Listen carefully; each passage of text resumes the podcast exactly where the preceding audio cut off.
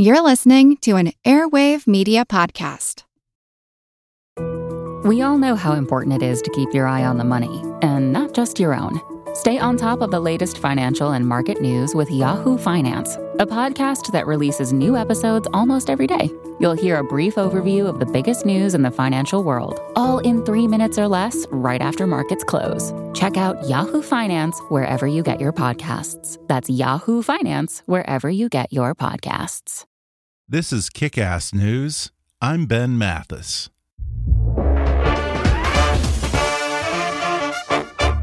Hi, folks. Ben here with a quick favor to ask. There are some great advertisers who support the show, and in order for them to continue doing that, I need your help.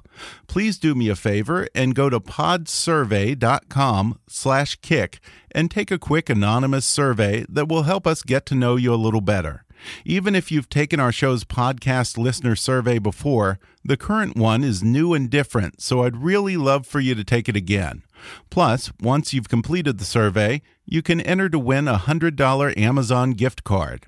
Again, that's Pod podsurvey, P-O-D-S-U-R-V-E-Y dot com slash kick. Thanks for your help, and now enjoy the podcast. Hi. I'm Ben Mathis, and welcome to Kick Ass News. Walter Sickert is one of the most revered painters in British art history.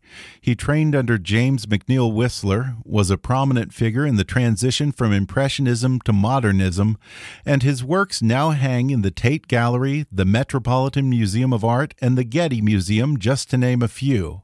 A celebrity in his day, his glittering social circle included Degas, Monet, Bram Stoker, Marcel Proust, Henry James, Rodin, and Oscar Wilde, and he even gave painting lessons to Winston Churchill. But according to my guest today, Walter Sickert led a double life.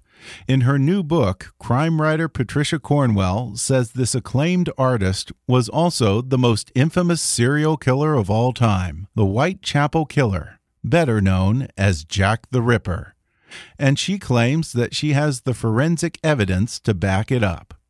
Patricia Cornwell's books have sold over 100 million copies in 36 languages in over 120 countries. She sold her first novel, Post Mortem, while working as a computer analyst at the Office of the Chief Medical Examiner in Richmond, Virginia. Post Mortem was the first bona fide forensic thriller, and it would go on to win the Edgar, the Creasey, the Anthony, and the Macavity Awards. Since then, she's authored 29 New York Times bestsellers, including her wildly popular thriller series featuring the fictional medical examiner Dr. Kay Scarpetta. In addition to the Scarpetta novels, Patricia has written cookbooks, a children's book, a biography of Ruth Graham, and two other fiction series. When not writing from her Boston home, Patricia tirelessly researches cutting edge forensic technologies to include in her work. She appears as a forensic consultant on CNN and works with the Virginia Institute for Forensic Science and Medicine, which she herself founded and which conducted most of the forensic research contained in her chilling new nonfiction book, Ripper The Secret Life of Walter Sickert. Today, she discusses the case and the man who she says she is certain was Jack the Ripper. She'll reveal evidence that Walter Sickert was in London during the Ripper crimes and perhaps even in the neighborhood of Whitechapel within hours of the murders. She'll share things that the artist said to his friends and family that led them to suspect that he was Jack the Ripper, some of the clues he left in his paintings, and similarities between his letters and those attributed to the Ripper himself. She'll talk about the frustrating incompetence of Scotland Yard detectives who originally investigated the murders in 1888 and how much of the physical evidence has simply up and walked away. She debunks the accepted Ripper timeline and body count, and she shares what the art world has to say about her controversial theory. Coming up with best selling crime author Patricia Cornwell in just a moment.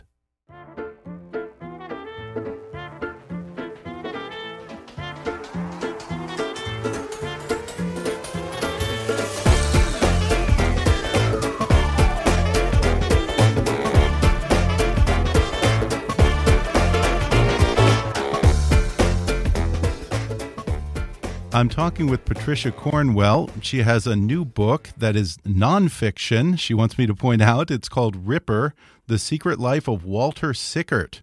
Patricia Cornwell, thanks for joining me over the phone. Well, it is my pleasure. Thank you. Um, you wrote about the Jack the Ripper Walter Sickert connection in a 2002 book titled Portrait of a Killer Jack the Ripper Case Closed. Yes. Why did you want to revisit this case 15 years later? Is there new evidence, or did you feel that you missed something in the earlier version?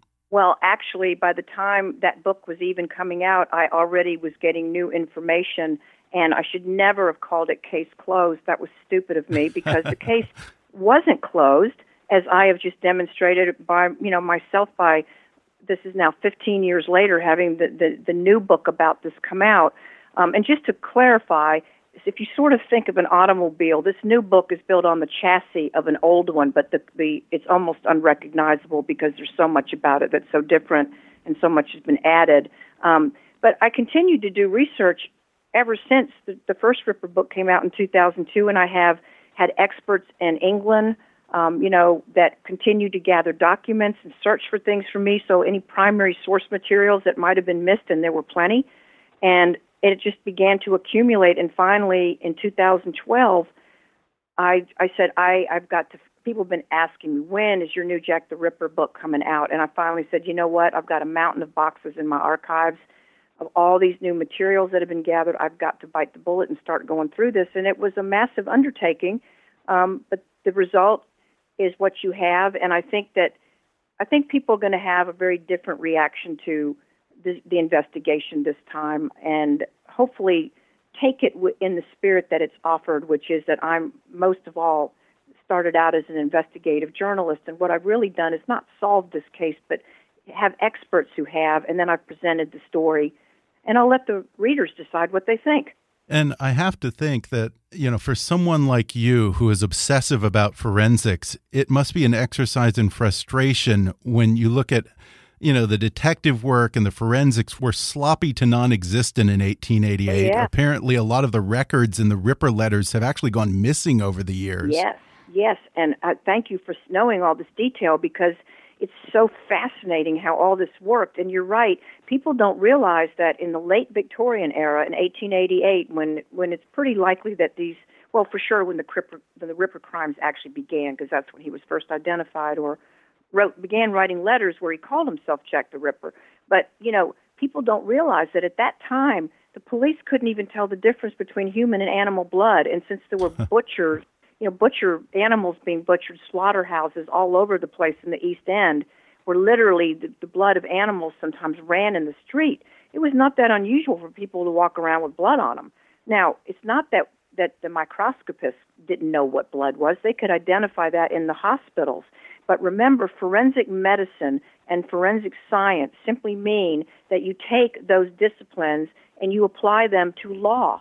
So it's not that we didn't have science and medicine in 1888, but it wasn't being applied to law. It wasn't being used in police work, not even fingerprints yet. So literally, when, when a Jack the Ripper victim was discovered, she would be hauled off in a cart to the dead house which was open to the public because people could go through and see if they could help identify these poor wretches who were found in all sorts of different conditions, particularly in the slums. The clothing would be removed by workhouse mortuary guys who were just, you know, work, basically did this out of work, lived in a poorhouse and would work in one of these places, and they'd throw the clothing out in the alleyway because they it was of no value. So all of the evidence is gone and they didn't know what to look for anyway. And yes, yes, yes, it drives me insane because I would so love to go to one of those crime scenes or love for someone today to have been able to really be let loose on the Ripper evidence back at the time as opposed to what we have left today, which is very little. In the book, you have settled in on someone named Walter Sickert as the chief suspect for the Ripper crimes. I was trying to think for my listeners here what the American equivalent of a Walter Sickert might be, because he was a very famous painter. He maybe Jonathan Singer Sargent. Tell us a little about who Walter Sickert was, what kind of circles he ran in, how well was he known? Who was Walter Sickert, the artist? Uh, let me just give people a little thumbnail sketch. And first of all, back up by saying that that I I don't really just consider Walter Sickert a suspect. I do believe he was Jack the Ripper, and I believe I have evidence in this book that that makes it far more like there's no question he was involved in the Wow. Ripper case. I mean, he talked about it all the time. He told people stories about it that implicated himself, particularly in his later life. You know, he did his artwork, a painting called Jack the Ripper's Bedroom that depicted the very rooming house that Sickert was staying in at the time. But beyond that, we have the forensic evidence of the letters that he wrote and how we've been able to, you know, forensic experts like Peter Bower in the UK have been able to match Ripper letters to Walter Sickert letters and stationery and so many different things like this.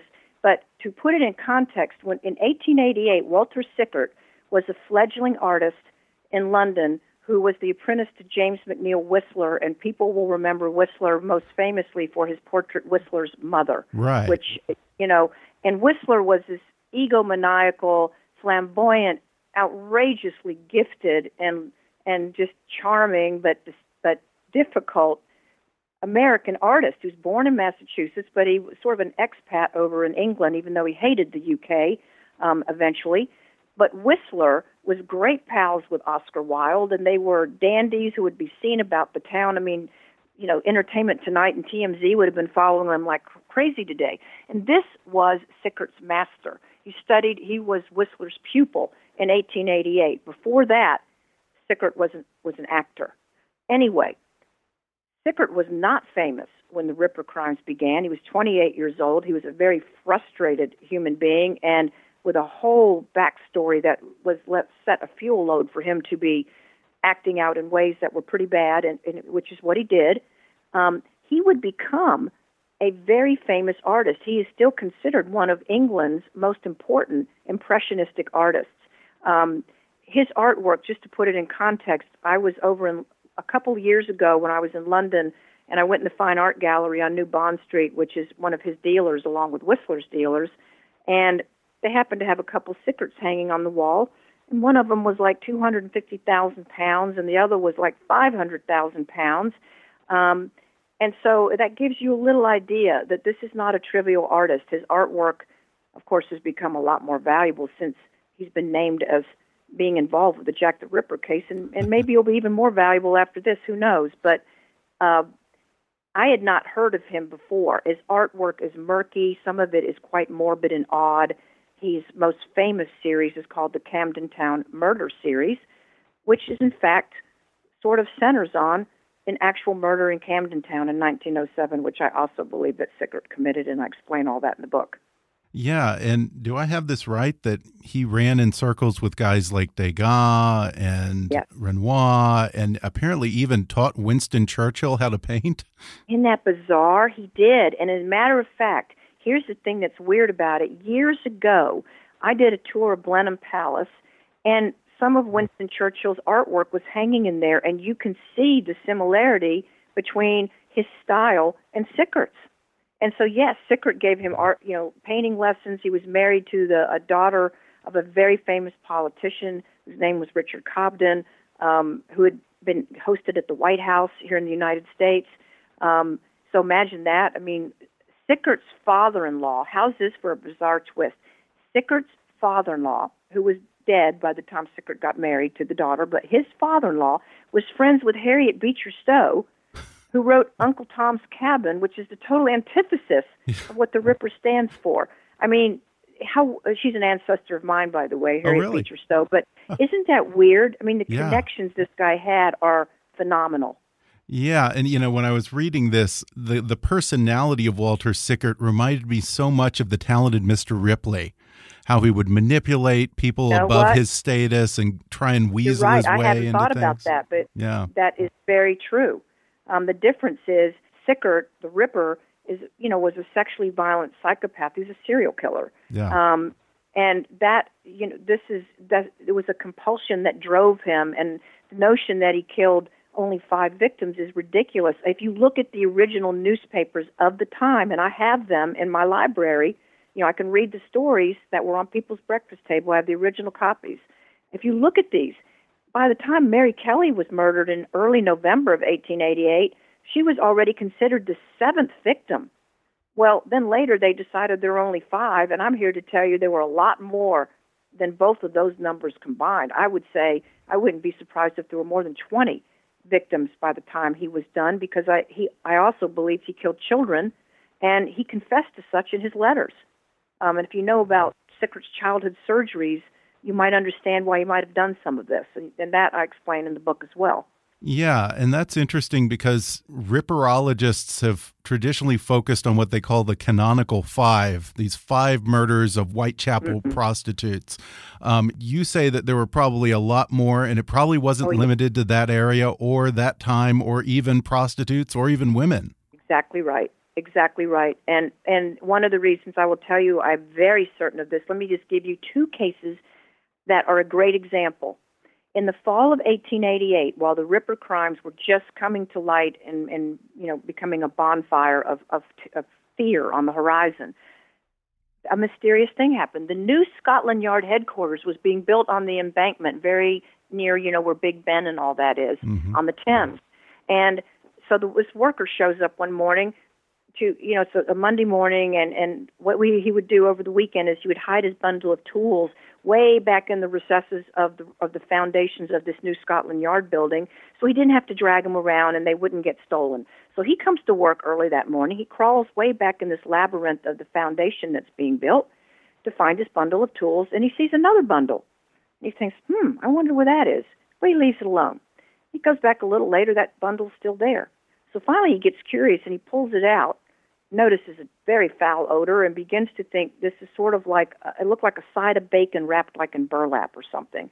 Well, when this thing was uncovered, it's a woman's torso.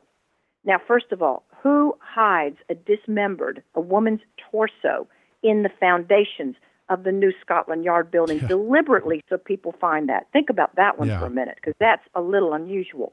Well, here's the best part about such a horrible story. Now, by the way, I mean, while they investigated this in the light of all the Ripper's crimes, they never decided this was a Ripper case because the Ripper didn't dismember people, did he? Yeah. Well, baloney. They just didn't think he did. They, you know, if ah. he didn't do the same thing every time, they didn't recognize it. But here's the really bizarre part of this: when they, when the this body, this torso was examined, they found a piece of newspaper, bunches of pieces of newspaper adhering to it, and one of them was a fairly decent sized piece, and you could see it had come from the Echo and it had a date. So I found I had to do some tracking down, and I found original a copy of that newspaper from that day in the fall of 1888. I can't remember the date. I think it was August or something. Well, in that day's paper, it had a Q&A section for questions and answers that readers of the paper would supply. Five of the answers to those questions that day were they were signed with the initials WS. And all of them were subjects that he was very well versed in. Wow. Now, you ask me, that's another tease, and he was full of them. Does that prove he did something? No. But when you take these sorts of details, you add layer after layer after layer, the artistic media found in the letters, the drawings, the watermark matches, the paper matches, all of this circum, all the other circumstantial evidence in addition, it starts being really hard to look away from Walter Sickert. It really does. But get back to your point, torsos weren't counted. So that one wasn't counted. A year later, a, a man dressed as a soldier showed up at the New York Herald in London on the very day that Sickert had resigned as the art critic, shows up at midnight informing there's another terrible murder, there's this mutilated body, and he tells these newspaper boys who put gathering their bundles to go deliver says where it is. Well, the boys run inside, get the editors. They all go flying down to this bridge, this railroad overpass or whatever, where there's supposedly another mutilated body. The soldiers vanished. There's no body. Wow. Three days later, guess what? A torso wrapped up in cloth shows up in that place with her menstrual rag hanging on the fence nearby. I'm being blunt, that's what it was. Um, and guess what? Sickert collected soldiers' uniforms. He used them in his artwork. So don't you find that a strange story? That case was never attributed to the Ripper because by 1889 everyone had decided the Ripper was dead or in an asylum. Meanwhile, he's still killing away, and nobody's uh, wow. uh, the body count is not being attributed to him. Now, Sickert fans claim that he was in France during the Ripper crimes. Can you place him in London when the murders happened, or when some of the murders yes, happened, at least? Yes, we can, and thank you for asking that because when I did the first version of all of this, in two, when it came out in 2002, the the counter to it was that he was in France the entire summer and fall of 1888 and therefore could not have committed these murders. Well, that's just patently false.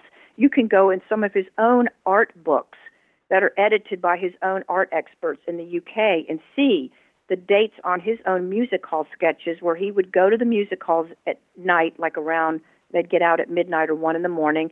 These very provocative, sexually charged, rowdy variety shows.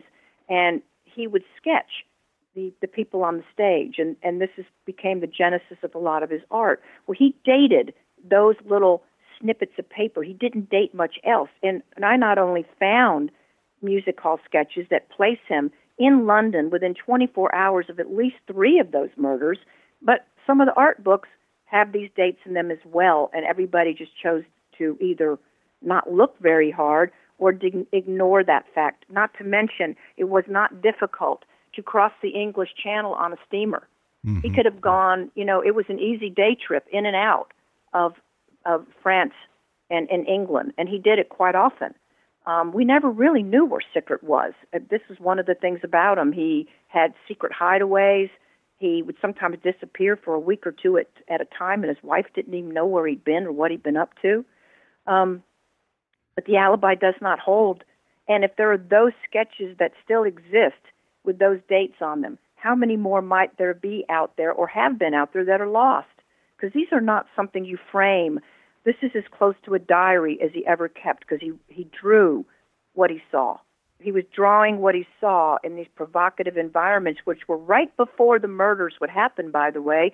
And my theory is that he would go out to these music halls where the prostitutes abounded and he would get all charged up and then he'd go on one of his walks and and these when these crimes happened they were always in the early hours of the morning after the mm. music halls let out we're going to take a quick break right now and then I'll be back with more with best-selling author Patricia Cornwell when we come back in just a moment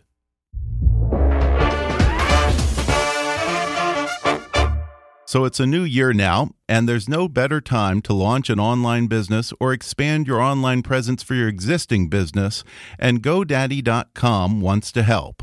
GoDaddy's mission is to radically shift the global economy toward life fulfilling independent ventures, helping their customers kick ass by giving them the tools, insights, and the people to transform their ideas and personal initiatives into success.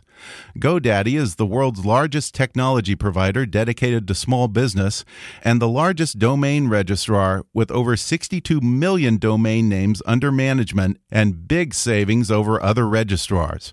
Their award winning 24 7 support will help build your online business and give you everything you need to get up and running. Whether you have a new idea or an established business, the key to success online starts with a great domain name, and GoDaddy is trusted by 13 million customers. That's more than any other registrar. And right now, my listeners can get a special discount on a GoDaddy domain if you just use my offer code KICK30 at checkout to get 30% off new purchases. That's GoDaddy.com and offer code KICK30 for 30% off. You don't have to spend a fortune on a domain. Just go to GoDaddy.com and type in the offer code KICK30 at checkout for 30% off and launch your online business today. Folks, as you can probably tell, I'm a voracious consumer of newspapers and magazines. It's how I stay informed and up to date. It's how I relax. And if you ever come here to my studio, you will find a whole big mess of stacks and stacks of magazines. Now, that's just clutter, and it can't possibly be good for the environment. So that's why I got turned on to texture. You know, at a time when it feels like it's never been harder to find the truth, supporting the free press is critically important. Texture gives you access to not just your favorite magazines, but also some of the most credible publications in the world, such as Time Magazine, The New Yorker, Vanity Fair, and The Atlantic, all on your phone or tablet.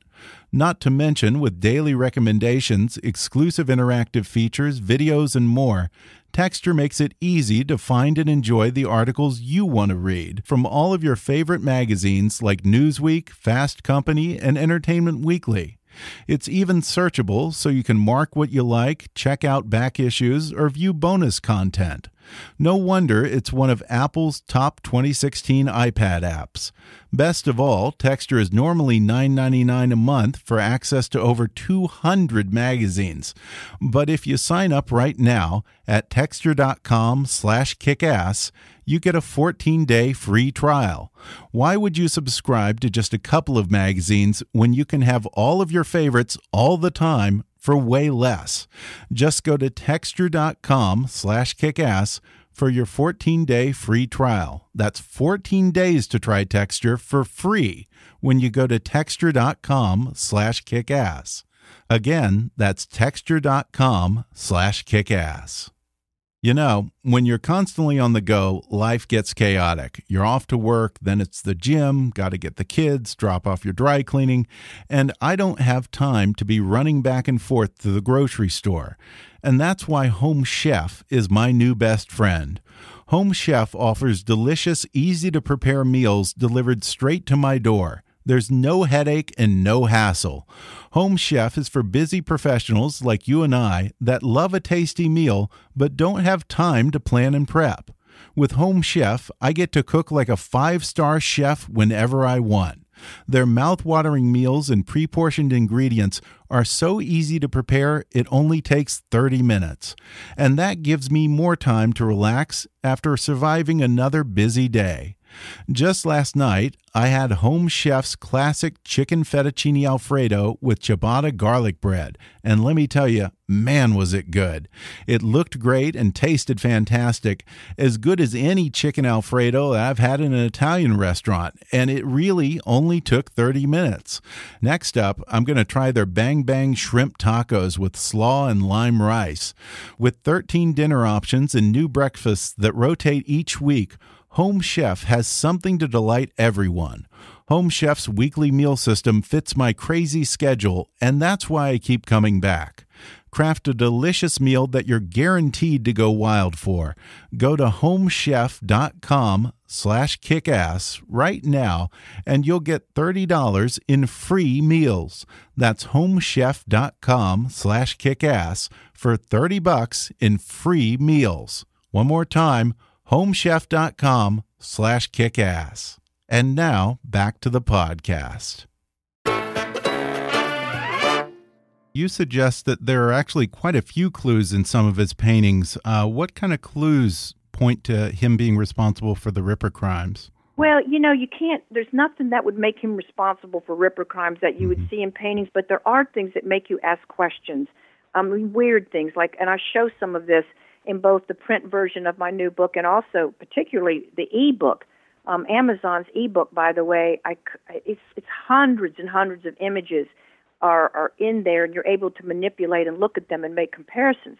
But for example, oh, cool. some of the pictures, the photographs of the Ripper victims, what few there are, what few photographs there are, there's a very striking contrast between the way some of these women look and some of the women and his very some of his more ghoulish, bizarre paintings, a lot of them seem to have strange lines around their necks and strange chokers or pearls.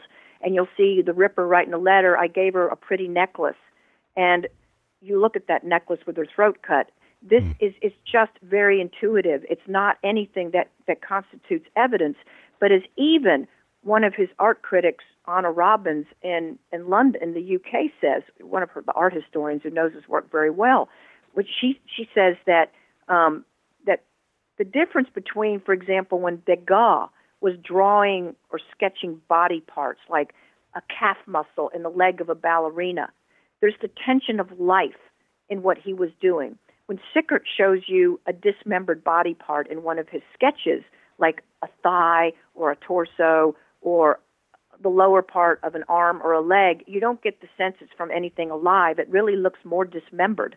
Mm. And that is not proof of anything, but it is again you're getting into the psyche of this person. Um, and it, but without the evidence, it really means nothing. But when you add it to some stuff that really has teeth, it starts becoming very interesting. Yeah, and earlier you mentioned one of his famous paintings, uh, Jack the Ripper's bedroom, which was actually yes. of his own apartment. Well, he came back from France. He'd been living on the continent, in the early part of the 1900s, and he came back around 1906, um, early 1907. And when he resettled, he settled in Camden Town, and um, and at that time he was living in this room, you know, in a rooming house. He had one one or two rooms in this rooming house, and the, he did a painting called Jack the Ripper's bedroom, and it's a murky looking thing. It's it's at the museum in Manchester, England. It depicts a man in this dark room. You sort of you can't tell what's a reflection, what's the mirror, what's real. It's very strange. But Sickert himself titled it Jack the Ripper's bedroom, and it is the bedroom wow. he was living in at that time when he painted that painting. He was obsessed with this case. He was always talking about it, and you know later on he started telling people he was involved in it. Yeah, that was weird. Multiple people apparently recall Sickert either bragging that he was Jack the Ripper or that he knew who Jack the Ripper was. Um, taken together, do you consider those credible? I do. I think what happened is, you know, you've got to remember that with violent, psychopathic, violent sexually, um, you know, sexual violence, psych- psychopathic crimes, whatever. But with these types of crimes, and that's what we're talking about here, they, these people it's the fantasy is the payoff. They the actual act is incidental to the mother lode of what they get for doing this. The build up, the anticipation, the excitement, and then the denouement, and then the, fantasies, and keeping souvenirs to reenact and to excite those fantasies. That was what gave him his sexual charge, not sex itself, and committing the acts itself. That that wasn't what was fun about it the mileage he got out of it was what his imagination did with it, not only in his paintings, but also just in the, his fantasy life. And so, so somebody like that is not really going to stop, and they're going to find ways to talk about it because they obsess about it all the time. It's very much like if you ever met somebody who can't get over someone they broke up with, and they will find every excuse under the sun to mention their hmm. name because they just can't stop thinking about them. Well, that's a little bit what this is like. It's an obsessive compulsive behavior. And Sickert talked to people. He wasn't going to say, hey, I killed all these people and here's why and I'm still doing it or whatever. He's going to tease and tell tales and say he was in the same rooming house or someone gave him a book where he'd written down the name of Jack the Ripper, but oh well, it got lost. Um, it's always something. And because it's his obsession, and you have to ask why. Jack the Ripper was sort of famous for teasing and taunting in his letters to the police and to the press. A lot of those letters have been dismissed as copycats or phonies. You actually believe that most of the Ripper letters were authentic. Why is that? I don't know if I'd say most, but I believe a, lot more of them are authentic than anybody has ever imagined because here's why. First of all, the assumption back in the day is this was an ignorant brute and right. that's why Jack the Ripper himself wrote a letter and said, What a handsome guy I am. And you have this an intricate picture, cartoon of a Neanderthal, you know, a knuckle dragger, um, primitive looking person. Because he's making fun of what they think he looks like, having no idea he's a blue eyed, blonde headed, gorgeous man who speaks seven languages and works with Whistler. You see what I mean? so so he's making fun yeah. of that and they don't recognize. I mean, no, the cops never back in the day even made note in their files that I saw. There may uh, clearly there are things that are missing. No notes about the artwork in these things. In fact, that Neanderthal is not even a drawing; it's a woodcut. So yeah. Sickert or somebody, you know, wherever he got this thing, carved this intricate thing in a block of wood, pressed it in ink, and then transferred it to a piece of paper that he wrote this letter on. That's that's from Jack the Ripper. That mocking, another mocking, mocking letter. So those these things that they consider pranks, what they didn't recognize is this is an incredibly resourceful, talented man. So if one letter is a woodcut of a Neanderthal and another letter is on foolscap paper and it's in calligraphy that was first done in pencil, and then painted over in red ink with a paintbrush, which the Harvard Art Conservators dis- discovered, and you can see it under magnification. You can see the brush strokes. They wouldn't think those two letters are from the same person, but you and I would see the common denominator is art. Hmm. Art, art. Wow. And then if you start finding common denominators of matching watermarks, and there are lots of them, yeah. and there probably would be more of them if paper hadn't been altered during conservation, where they heated up to put these um, membranes to protect it. And if there's even the slightest change, like shrinkage from the heat, you might say, yeah, it's the same watermark and it's look, it's almost identical um, measurements, but if it's not totally identical, you would not say it's from the same paper run. I mean, it's all this exact science stuff. And when you start looking at it, and then you you begin to realize that it's just because nobody looked at this the right way before, and that's why they didn't see things that were consistent. Yeah, that's pretty amazing. Um, I want to ask you about the timeline. Supposedly, the murders, you know, if we just limit it to the five, began in August 1888 and supposedly ended November 1888. Um, the letters that he wrote, uh, I think, ended around 1896, supposedly.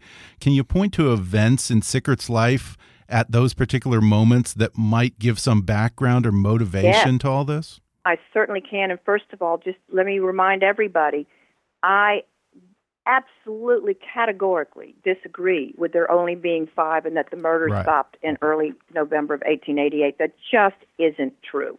It's just they they they decided to count this and they've left it that way because nobody's looking at this in the light of what this case is really all about. And when you look at it for what it is, the modus operandi changes. Yes, the first murder, as best we know, may have been in August. Um, and here's what was going on in August. Dr. Jekyll and Mr. Hyde had just hit the London stage, and, and that's important to Sickert because it's the same London stage where he started out. It's Henry Irving's theater, the Lyceum. Yeah. And Jekyll and Hyde are very similar to what Jack the Ripper really is, this duality. And as a matter of fact, one of the that the failure of the Jekyll and Hyde play, which absolutely terrorized London, um, and it, it was badly criticized, and people began to blame that play for what Jack the Ripper was doing. Isn't that weird? and here, Jack the Ripper, Walter Sickert, would have probably been acquainted with Richard Mansfield, who was playing that role because Sickert ran in all the circles with these actors. So th- it's all very weird. So that was in August. Whistler got married and left the country. Sickert was not invited to the wedding. He was reminded he was not an important person for lots of reasons. He was getting bad, bad reviews of his artwork. He was called the most hated um, artist in England at the time because he was getting his artwork was considered vulgar. He was getting ripped by the critics. He had a fuel load that was laid. So we have our first murder within just right in the same proximity of when Whistler suddenly got married to his beautiful new bride and left the country. Um, that was multiple stabbing, you know, overkill with a knife.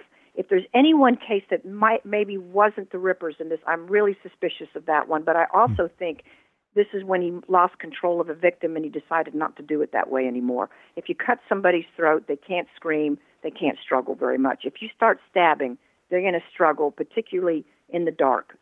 So so things progress to from stabbing, throat cut, throat cut to the b- beginning of an incision down the torso, to now we get to disemboweling and organs, a kidney being taken, and then we and then we get finally to Mary Kelly, who was probably at least the seventh, early November, and she, as you will see her photograph in my book, was flayed almost to the bone. She's an indoor crime scene, the only photo we photos we have of such a thing, maybe the oldest crime photo of an indoor crime scene in history, if you think about it. Wow. And yeah. I have used, you know, computer experts. We have um, processed these pictures as best we can to make them a little clearer.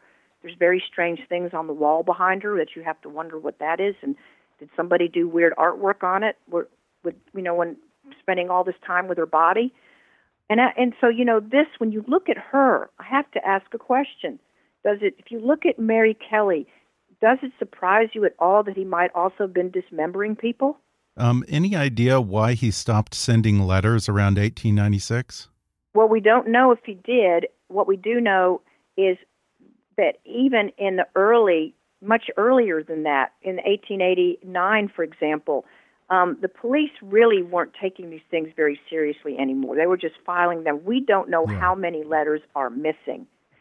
One right. thing a lot of people don't know is the treasure trove of existing letters that are at the um, National Archives in Kew in, in England. Um, those letters, they were found accidentally in a drawer some years ago when the case files were reopened. so, and it was just a, a miracle that those things were found when they were by the person who found them. Otherwise, they probably all would have been thrown out or disappeared. So, we don't Jeez. know how many there were to begin with. We also don't know who all he sent them to. It wasn't always the police or the press. Sometimes it was people like the curator of the pathology museum at the Royal London Hospital, the Dear Mr. Openshaw letter. He's writing a curator of a of a he's writing a pathologist. Wow. How weird is that? Why isn't somebody thinking that's strange? Or Yeah. he's writing the head of the Vigilance Committee in Whitechapel and sending a nice little gift of Catherine Eddowes' kidney in a little paper box. You know, so this guy, you're right. He was full of trickery and mocks mm-hmm. and teases. Catch me if you can. You haven't caught me. You never will. And he was constantly trying to getting the attention of people, and he just thought everybody was stupid. Well, I have to ask you about the DNA analysis, of course. Um, there was a lot of press around it when you had the Sickert letters and the Ripper letters tested. The results were dismissed as evidence that he wasn't the Ripper. Um, do you now feel it was a mistake to do the DNA test? No, no, the, the DNA's never excluded him from being the Ripper. If anybody said that, that is 100% untrue. The evidence is inclusionary, but the problem with it's statistically insignificant. First of all, Okay. Start with this. No, you have to do DNA on this, but I wish we could have started it now instead of in 2001 because the technology has changed so dramatically. But and, and we're not done with the DNA, but just so you know, the next stage of it eventually I will turn over any of my existing swabs and, and genetic materials to probably the, the, the DNA experts at Leicester University in England. And these are the same people who did the, the King Richard III excavation Oh. and analysis rather recently. And I've Yeah. already been in talks with them um, and met with them several times because that's where we'll go with this next if there's any hope. But Sickert, we don't even know what his profile is. We can't. I couldn't ever find anything that might have been a source of his DNA, and he had himself cremated. So even if there's anything left, somebody would have to exhume him. He has no genetic descendants that we know for a fact. So you can't really do. It'd be very difficult to do quote a pedigree. Then you get to the Ripper letters themselves. Well, when you the, the DNA would have been behind stamps and on the envelope flaps, you know, where you would have had moisture with adhesive. Well, that could have been a sponge. It could have been someone licking it. It could have been Sickert. It might not have been. You also have tremendous contamination of this paper from all the handling that's gone on. So, and then you've got the um, conservation things, the heat, and applying membranes, which also could be destructive to DNA. But we still tried, and basically we got nothing with nuclear. When we did mitochondrial, um, the, the same laboratory that, that did you know the 9/11 DNA cases, uh, among many other things. So this is a credible laboratory in the U.S. It basically, roughly put, it included him in like one out of a hundred people. In other words, that's a very That's low percentage. It, Yeah. His DNA, a match we got with a Ripper letter and a Sickert letter, would have included him in maybe one percent of the population that that could have left that. But that just doesn't mean very much when you start multiplying it by hundreds and thousands of people. Do you see what I'm saying? Yeah, so yeah. it's not that it's not any good. It's just not helpful, but it's not Mm-hmm. unhelpful. Um, and we're not done. I don't think this case is going to be solved by DNA Okay. because the only DNA you would find maybe are these letters, and I worry they're just too contaminated because you can't clean them. If you clean them, it's paper. What do you? You, you Yeah. couldn't possibly. Um, what has the reaction been like from the art community when you accused one of the most renowned British artists of being the most famous serial killer of all time? Oh, I'm sure I'm on every wanted poster in in the art world. Um, it's been very, it's been pretty ugly, and and and also people have been frightened. I mean, people I Really? know who will who have talked to me behind the scenes, then they don't want to come forward.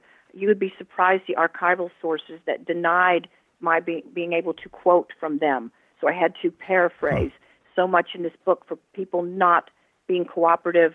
When I found this one Really? batch of secret letters in France that I wanted to do DNA testing on, I had to send a documents, um, rare documents collector, and we couldn't say who they were for, or the, the people wouldn't have sold them to me. I mean, it's really been something. People Yeah. still really protect this man, um, and I don't know what the reaction's going to be now, but I wouldn't. It's probably more of the same. I don't blame people Yeah. for not wanting to think he was this individual. I wish he wasn't either. Yeah. Um, aside from the obvious question, if you could sit down with him, what would you ask Walter Sickert? I think you know what I would ask him. Yes, I would look him in the eye first of all, and I'd sit a little bit far away and make sure he didn't have any knives handy. I'm not kidding. Smart I would move. keep a safe distance, but I would look him in the eye and I would say, "So tell me, Walter, what are you working on right now?" Huh. That's what I would ask him because as a journalist, I would try to open the door to see if I could get to know him as a person. And I'm afraid, I'm glad he's not around because I know I'd be wanting to sit down with him, and that would probably be very dangerous. Yeah. Before we go, you know, there have been more prolific serial killers since Jack the Ripper. Why is it that we're still so fascinated by a case 125 years ago? Because what we are finally finding out is the reason we have been so befuddled and intrigued is because this is a killer like no other. There is very good reason why he was not caught. Scotland Yard had no earthly idea what they were up against.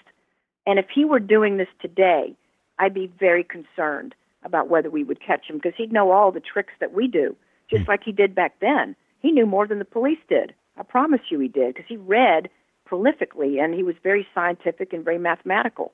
So we would have a devil of a time with this man today if he were doing this now.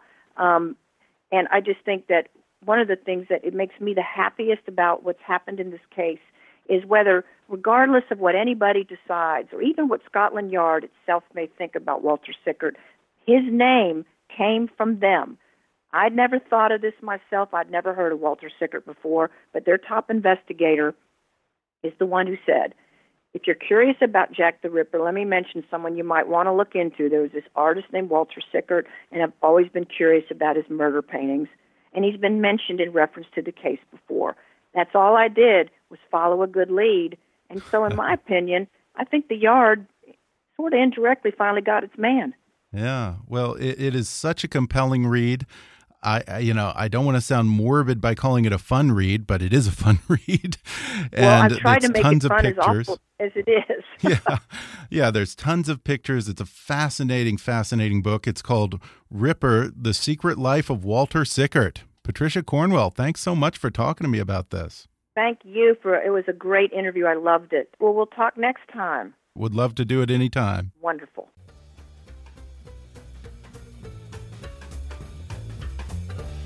Thanks again to Patricia Cornwell for coming on the podcast, and thanks to Home Chef for sponsoring today's episode.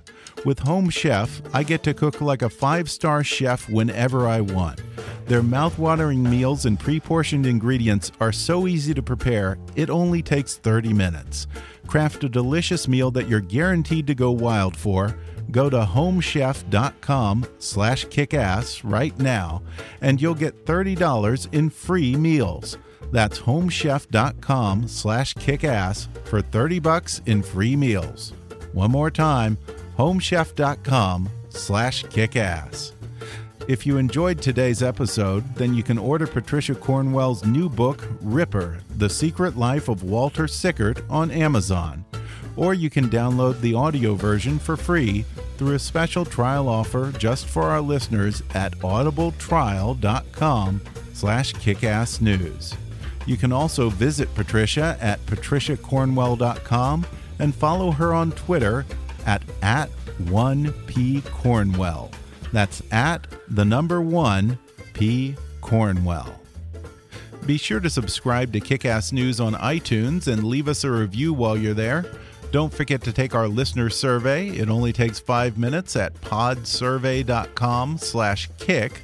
You can visit Kickass News on Facebook and follow us on Twitter at, at KickassNewsPod. And be sure to recommend Kickass News to your friends on your social media. And if you really want to help out, then donate to our GoFundMe campaign at gofundme.com slash kickassnews or click on the donate button at kickassnews.com. As always, I welcome your comments, questions, and suggestions at comments at kickassnews.com. For now, though, I'm Ben Mathis, and thanks for listening to Kickass News.